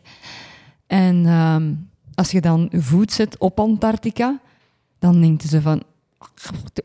Allee, je kunt dat gewoon niet verwoorden op dat moment dat je zegt van ik sta hier gewoon. Zo van, allee, allee, ik sta hier gewoon. Ja, dat gevoel, dat was wel speciaal. En dan ehm neemden ze een heel klein vliegtuigje naar, naar basiskamp. En dat was fantastisch om te zien vanuit de lucht dat er ehm, lijnen zijn in die bergen. Dat heb ik nog nooit nergens niet gezien. Ehm, een berg dat is meestal zo verschillende... Dat is een onderbroken lijn of dat is zo grillig van, van vorm. En daar zijn, zijn bergen gewoon rechtlijnig, kaarsrechte lijnen, gelijk piramides. is dat dan Ehm, door het ijs? Of, eh, ik denk dat dat is door het feit dat je daar constant dezelfde windcyclussen hebt en, en ehm, dat daardoor de bergen worden afgesleten op een, op een ja, Constante, constante ja. manier. En, en ik denk dat dat daarom is, maar dat was, dat was eigenlijk wel heel raar om te zien. Dat en dan natuurlijk ja, die oneindige ijszee, zal ik maar zeggen, dat is, ja, dat is fenomenaal. Hè. Als wij naar Antarctica willen, hoe, hoe beginnen we daar logistiek aan? Google Flights, zou ik Ehm, beginnen? Ja, je kunt dat doen oftewel eh, met een boot. Ehm we kunnen dat doen. Of je kunt dat natuurlijk doen met de, met de vliegtuigen. Dan zijn er twee punten, oftewel vanuit Zuid-Afrika. Eh, dat is vooral wat dat een Dixie doet. Ehm, of hetgeen wat wij hebben gedaan vanuit het zuidelijke puntje van eh, Zuid-Amerika. Dat is Punta Arenas. En dat is eigenlijk met een, eh, een, ja, een vrachtvliegtuig. Ehm, Illusion 76 geloof ik dat dat type is. En die kan landen op eh, blauw ijs. Dus daar hebben ze eigenlijk een, een runaway gemaakt. En dat wordt eh, gedaan door een, door een logistieke maatschappij, ALE noemt dat. En die doen eigenlijk alle logistiek op eh, Antarctica. Ehm, die zijn supergoed georganiseerd. en ehm, het weer wordt daar voorspeld door twee Belgen trouwens. Ah ja. Ben die gaan bezoeken, sympathieke kerels. En die werken dus voor het KMI.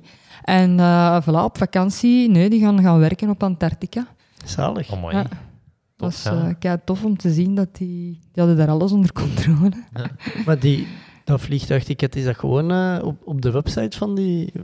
Ja, dus je kunt op hun website kun je gaan zien wanneer dat de in- en de uitvluchten zijn. Ah, ja. En dan ehm, boekt je oftewel rechtstreeks met hun. Oftewel, eh, als je zegt van ja, nee, ik wil daar een beklimming doen, dan kan dat zijn dat een andere organisatie die beklimming aanbiedt, maar die moeten altijd via ALE passeren. Ah, ja. Mooi. Ja. En dat is eigenlijk waarom dat de Vinson zo verschrikkelijk duur is. Dat is een monopolie die ze in handen hebben. Om er te eh, geraken, ja. ja, en het vliegtuigticket alleen al is denk ik 25.000 dollar. Amai. Oh, maar ja. En de, de hele onderneming met de beklimming bij? Eh, de goedkoopste prijzen, denk ik, die je gaat vinden, is 40.000. En, allee, je, moet hier zeker niet je bankrekening op tafel gooien, Eh, maar... nee, die is leeg. Ja, eh, maar Lul. is dat gesponsord? Of, allee, of slaag je erin om dat te, te laten sponsoren? Of, Ehm, eh, dat was de bedoeling. En dat is ehm, enkel gelukt. Mijn vliegtuigticket is gesponsord geweest ehm, door een travel agency en dat was het. je, mocht, je mocht ze vernoemen. Eh. Eh, ehm, SCM Travel Solutions. ah, ja. Die zitten in Zaventem.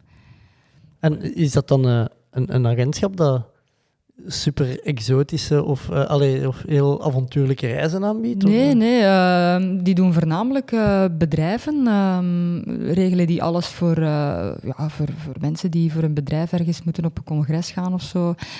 Eh, ik denk dat dat hun hoofdbrok is. En daarnaast doen zij ook eh, gewoon boekingen voor, eh, voor mensen die op reis gaan.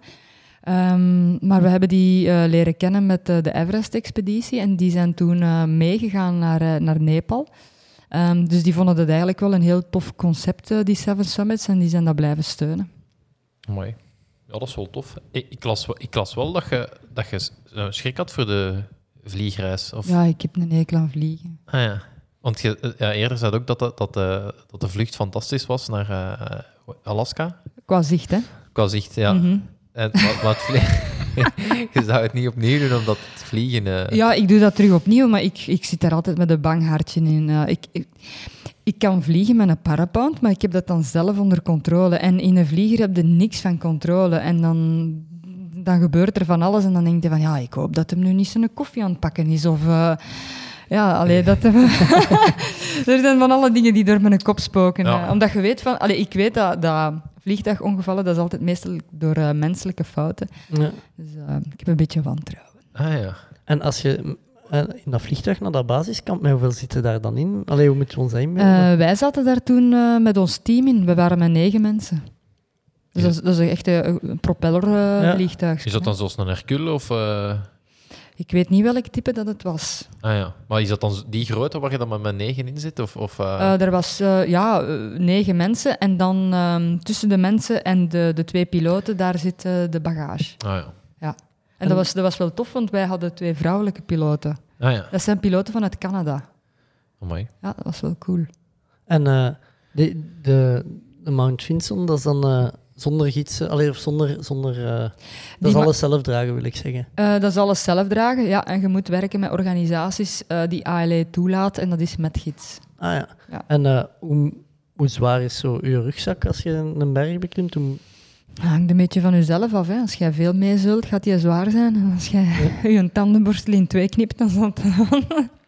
ja, ik, weet, ik, heb eh, in Ja, het een, leger... tanden, een tandenborstel zou ik al niet meepakken. Ja, nee, nee, maar ik, weet, eh, ik, ik heb in het leger gezeten en als, als wij voor gewicht te besparen, wij deden dat ook, bijvoorbeeld onze borstel voor de schoenen te kuisen, die, die zaagden wij in twee om...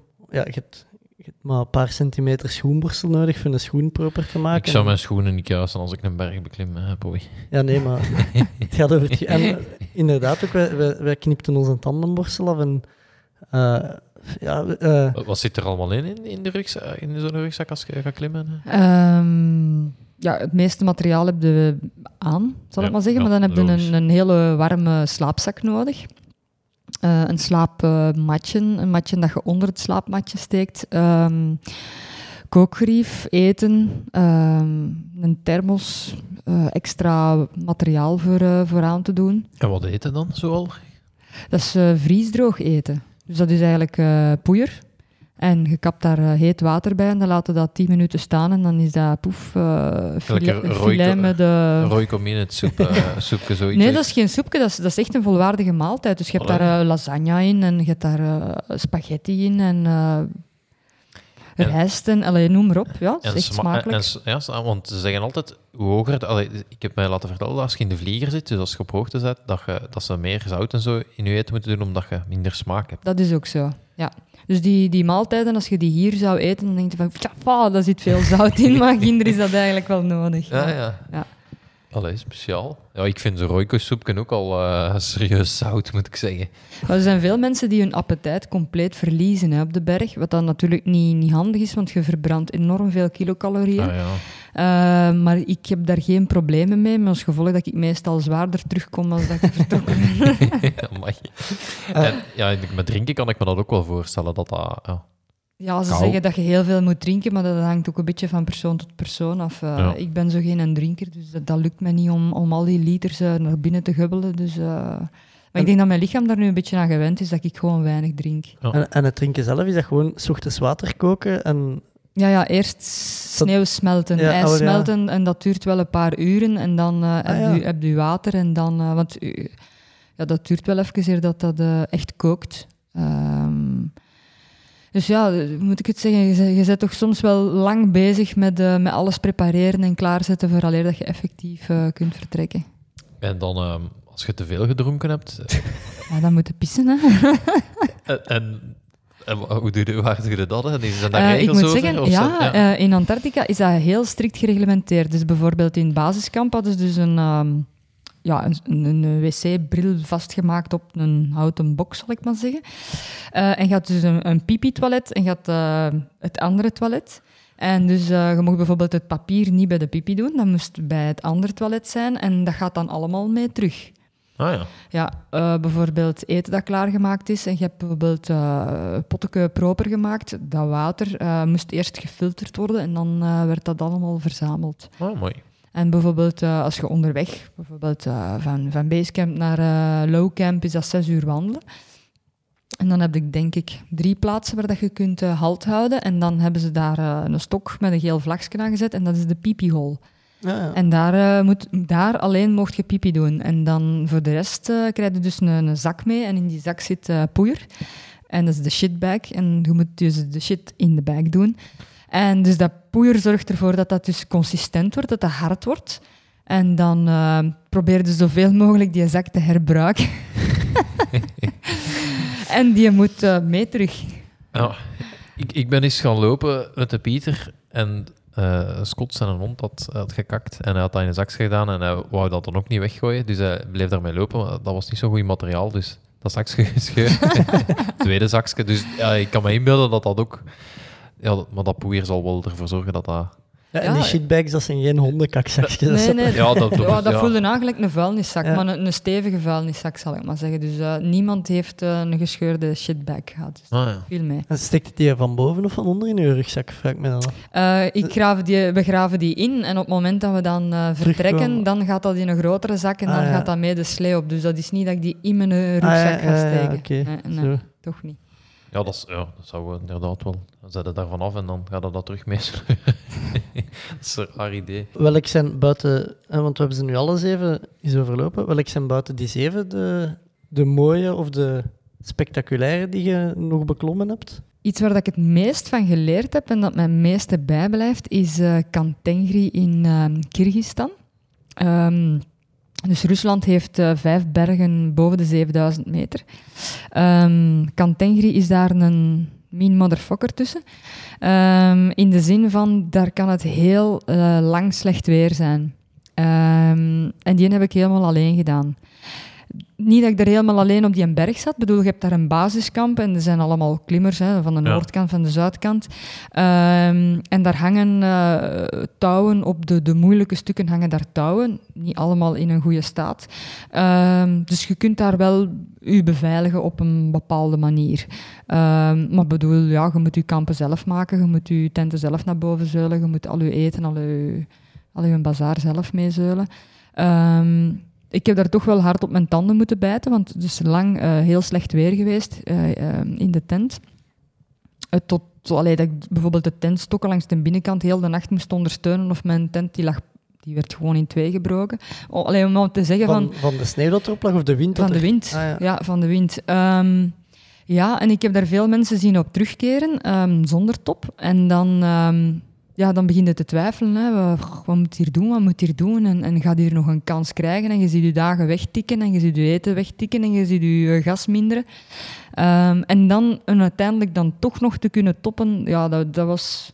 Allee, voor mij is dat nog de, de, het meeste dat ik ooit gevoeld heb, dat ik, van, dat ik content was van dat ik een berg had kunnen beklimmen. Als je zo op een top komt, pak je dan iets mee van boven of mag dat niet? Ehm, ja, bijvoorbeeld in, ehm, in Nepal hebben de van die eh, gebedsvlaggetjes die ze altijd aan de top hangen. Ja. En ehm, we hebben zowel de, de gewoonte, als we, als we zo'n top doen, om daar zo'n klein hoekje vanaf eh, te knippen, scheuren. En dan, dat, dat gaat dan mee. Of eh, een klein steentje of zoiets. ehm, dat bewaren we dan wel. Ja. Ja, ik kan me inbeelden dat dat eigenlijk niet mag, want als iedereen dat doet. Allee, bij de muur van Gerritsbergen is dat ook zo begonnen. Dat begon iemand kassei heeft- mee ja, te de pakken. kassei- de kassei mee te pakken. En dan is dat echt een plaag geworden. Dat dat... Nee, een kassei ga ik niet meepakken in mijn rugzak. Nee, dat zou niet zo slim zijn. Ja. Alhoewel, Een, een, heel, een heel tof anekdote. Als je eh, straks hier buiten komt, dan zie je een steen liggen. En die steen die noemt de Jos. En we hadden dus een spelletje gevonden op de Kilimanjaro. Ja, ehm, het was dus de bedoeling dat je dus, ehm, zonder dat iemand het zag, de steen in een zijn rugzak ging, ging foefelen. En dat waren gejost. Ja. Dus eh, de Jos is mee tot op de top gegaan. En wie, wie heeft het niet gemerkt? De eh? gids. Overschot. we zijn erin geslaagd om, het, om de Jos in de gids zijn rugzak te steken. En de gids heeft hem uiteindelijk naar de top gedaan. En achteraf hebben we natuurlijk een kriek gelachen om hem dat uit te leggen. Want ja, die mannen hadden nog nooit van dat spelletje gehoord. Nee. Dus dat was de max. Zijn er nog zo eh, klimgrapjes of practical jokes? Oh ja, dat wordt, dat wordt regelmatig wel gedaan. Ehm, Ook met de shitbag? Of, of is dan er ook een regel? dat is erover. Ja, ja, oké. Nee, ja. Ik dacht, als jij zei de Jos, dan dacht ik dat is een shitbag die nu Ah, nee. steen is geworden of zo. Nee nee nee, nee, dat was een echte Jos eh, Ja. steen. Ehm, ja, zo van die grapjes met, de, met stenen, dat gebeurt wel regelmatig. Ah, ja. Ja, ja, Dat iemand zo de rugzak ligt te verzwaren of zo. Of, eh, ja, dat wordt regelmatig eens gedaan. Ja, een schoen pikken of zo. Maar dat, ja, je moet, ja, het moet ook veilig blijven. uiteraard. Ja, of zo eh, mouwen dichtnaaien en zo. Echt? Ja, Dicht ja. dan nog. Ja, Een blokijs in een en een slaapzak kan ook wel eh, ja, ja. tegenvallen, denk ik, als ze erin krabt. Ja, of de piepottel gebruiken als de drinkfles. Ja. Ja. Toffe bende. ja, ja. Ik, ik vraag me nog af, nu dat je ja, eigenlijk in, in het klimmen iets moois bereikt hebt, zijn er eigenlijk avonturiers of mensen waar dat je naar opkijkt binnen de... Of die je inspireren binnen de... Eh, iemand die ons ehm, echt wel inspireerde was ehm, eh, Kilian Jornet. Ah ja, Ja, een trailloper. dat- Een trailloper, eh, wat dat die doet, dat is, dat is echt eh, kei tof. En ook zijn, zijn, zijn spirit is, eh, is heel tof. Hoe dat hij omgaat met wedstrijden en met andere mensen en hoe dat hem de bergen beklimt en zo. ja klopt. Eh, ja, die, die, heeft, hij die volgen niet, heeft hij een Everest opgelopen ook? Ja, ja, hij heeft eh, het, het snelheidsrecord van Everest. Ja. En op hoeveel staat dat? Want dat, Oh, allee, dat weet ik ongeveer. niet meer. Nee, dat weet ik niet meer. Ik, het snelheidsrecords, ik, ik hou er geen... eh, ik vind dat niet belangrijk. Ehm, wat ik tof vind aan hem, dat is... ehm, ja, zijn, zijn positieve eh, mindset dat hij eigenlijk heeft en, en hoe dat hem daar allemaal mee omgaat. Dat vind ik tof aan Kilian. Ja, ik moet dan altijd denken dat, dat die eens een keer Ja, de met die zeven- vier sneakers... Ja, die, die heeft een. Dan zei hij wat hij ging eten en die, zei, die ging dan... Een video op, op YouTube waar dat hem eh, zeven toppen gaat doen op, in, één, in één training of zoiets. En eh, hij is dan aan het, aan het nadenken over wat dat hem gaat meenemen om gewicht te besparen. En ik denk dat hem 24 uur of zo onderweg gaat zijn en dat hij vier sneakers meeneemt. Ja. Ja. Eh, en ja, zo een, een oplooibaar drinkbusje met een halve liter water dat Ja. hij dan bij, bij kan vullen onderweg. Uh, onlangs heeft hij een wedstrijd gedaan tussen een basejumper en hij. Ah, ik heb dat gezien. ja, ja, crimineel. in- was dat niet in Noorwegen of zo? Dat ze, Ja, ja, ja. ja. Ja, dat, en hij is voor de basejump... Allee, ik ga hier nu de clue verraden, maar... Ja, spoiler. Ja, Yes. hij, is, hij is voor de basejumper beneden. Eh, de video staat ook op YouTube. Ah, ja. ja. Um, Ja, en dat vind ik, dat vind ik tof, dat, dat een zo van die, van die gekke eh, toeren uitsteekt. ça va. Ik denk dat we stilletjes aan kunnen afronden, tenzij dat er nog dingen zijn, Sophie, die je kwijt wilt, of die, die je wilt vertellen aan ons? Of in de... Ja, aan de dat klimmen natuurlijk niet gedaan is. Hè. Ah ja, dat, dat ja, ja, want ik heb opgezocht dat er eh, ook zoiets bestaat als de Seven Second Summits. Ja, En dat dat ook heel, dat dat zelfs soms moeilijker is, die zijn moeilijker. omdat daar de K2 in zit. Ja, dat klopt. Eh, Dat, is, dat is eigenlijk een veel mooiere lijst om, eh, om af te vinken Ja. dan, eh, dan de Seven Summits. Ehm, omdat...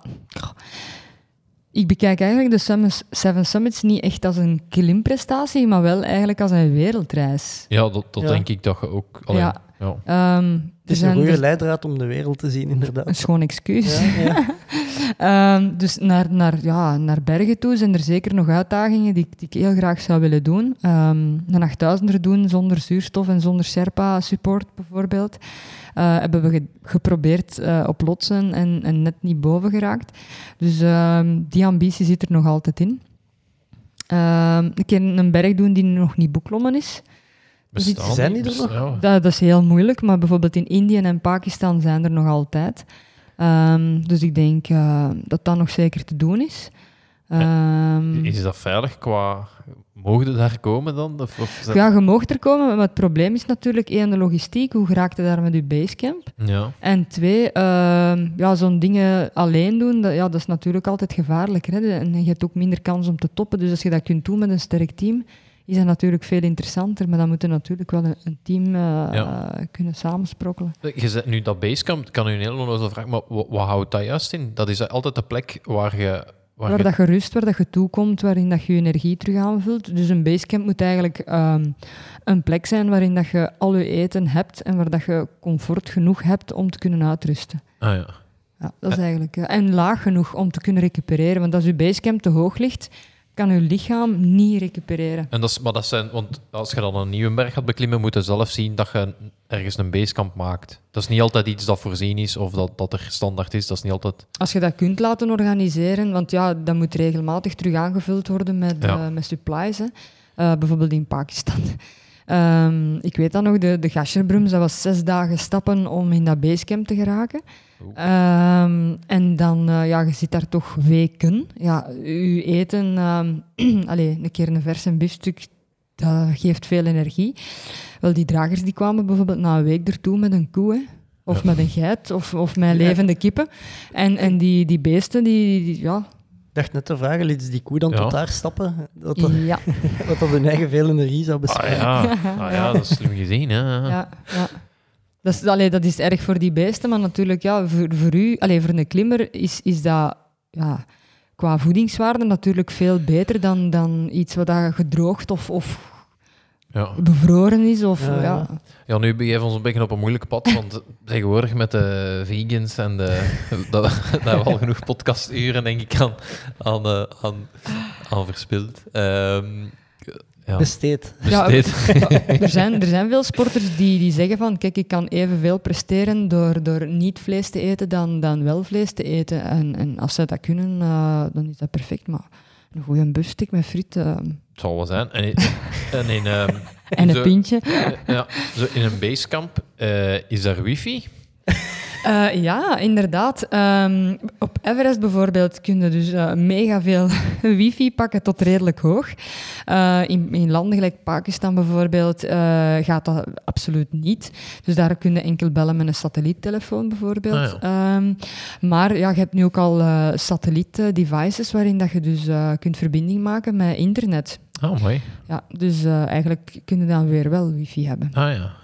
Dat is, een, Is, dat dan ook, is het dan ook zo, zo eh, een server waar je op moet inloggen en een, en een dwaas paswoord? Of, of eh, iets Ehm, complexer? Dat gaat via eh, satelliet, maar dat, dat is een redelijk snelle en goede verbinding, maar dat is wel redelijk duur. Ah, ja. Dus dat is zoveel per megabyte dat de. Zwitserse, Zwitserse bedrijf waarschijnlijk dat dat... eh, Ehm, ja, er zijn twee grote bedrijven. Hè. Er is Turaya en er is... ehm, goh, er is nog een andere. En die, dat hangt af van de satellieten die in de lucht hangen. Dus eh, bijvoorbeeld Turaya die dekt dat deel van de wereld. Ja. En, en, en de Iridium bijvoorbeeld, die dekt dan dat deel van, van de wereld.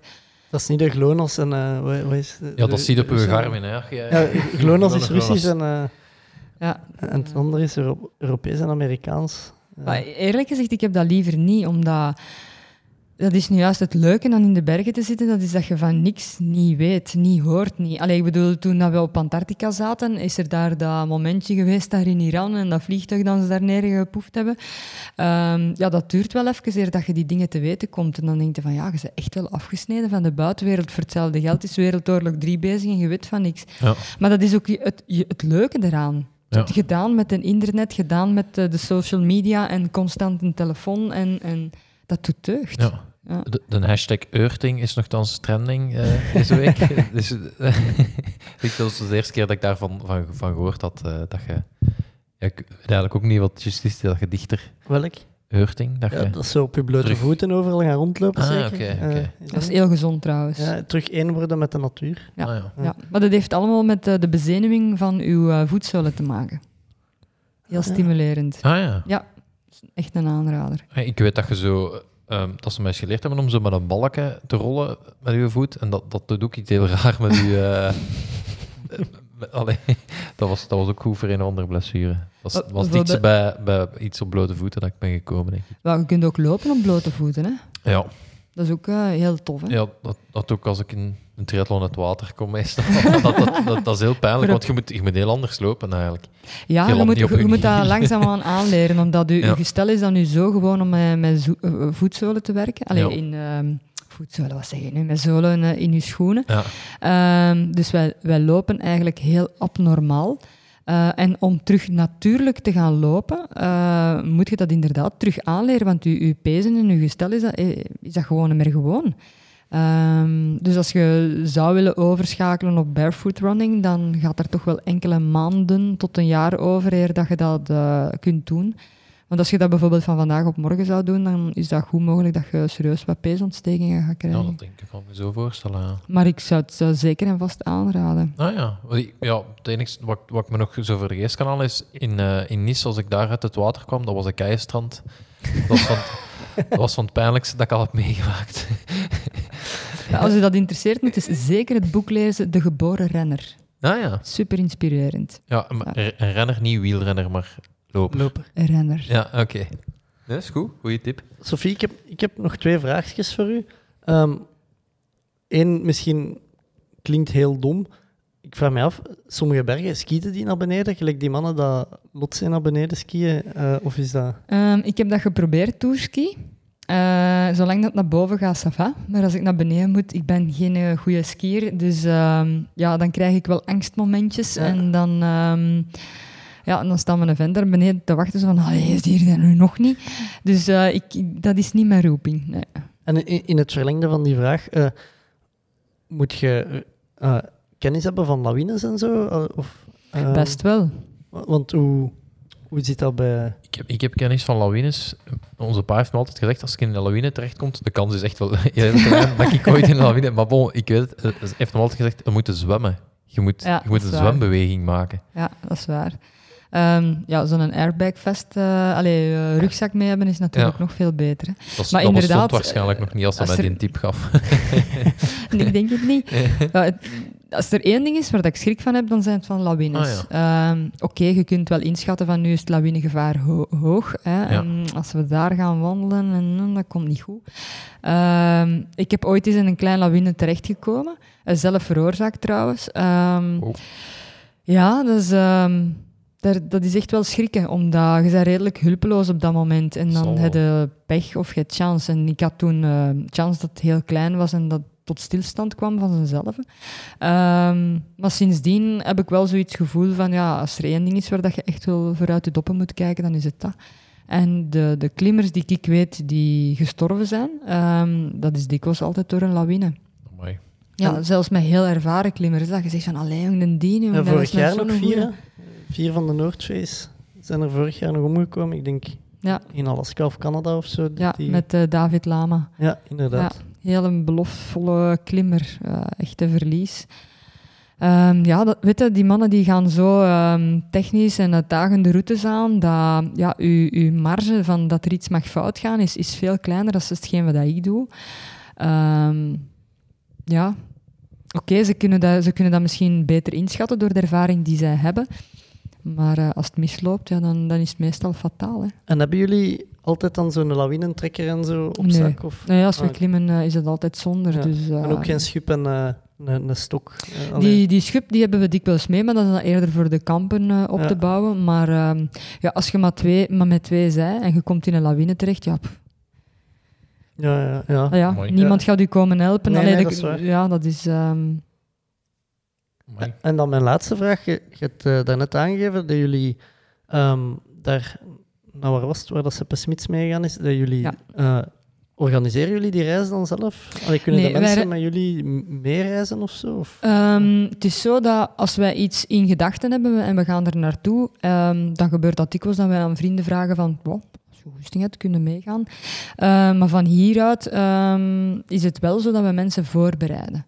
Ah ja. Ja, dus trainen en uitleg geven van hoe dan ze zich voorbereiden op, op die zaken. eh, of dat dan nu bergbeklimmen of trailrennen is. Ehm, en dan is dat wel tof natuurlijk dat je kunt werken naar een doel. Je kunt zeggen, ik wil gewoon vermageren of ik wil gewoon mijn conditie verbeteren. Maar als je zegt van, nou, ik wil een berg beklimmen, dan zit je nog net iets gemotiveerder om eh, harder te trainen. Ja, en, eh, en dan is dat wel tof eh, dat, dat er een doel gevonden wordt waar dat we allemaal naartoe kunnen gaan. Ja, dus dat is, Goed.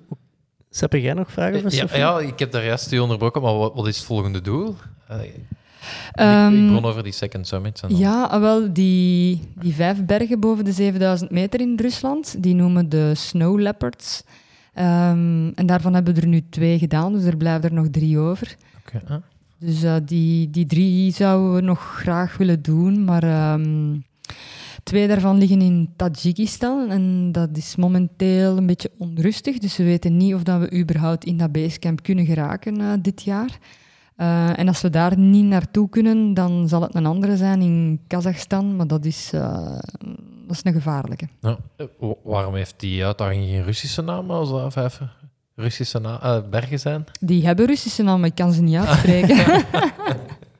Trouwens, op Piek Lenin staat eh, de kop van Lenin, eh, Ah ja. zo'n, ehm, een- ik weet niet of dat in ijzer of in tin is, maar in ieder geval, de- zo'n kop staat daar op de top, ja. Lenin.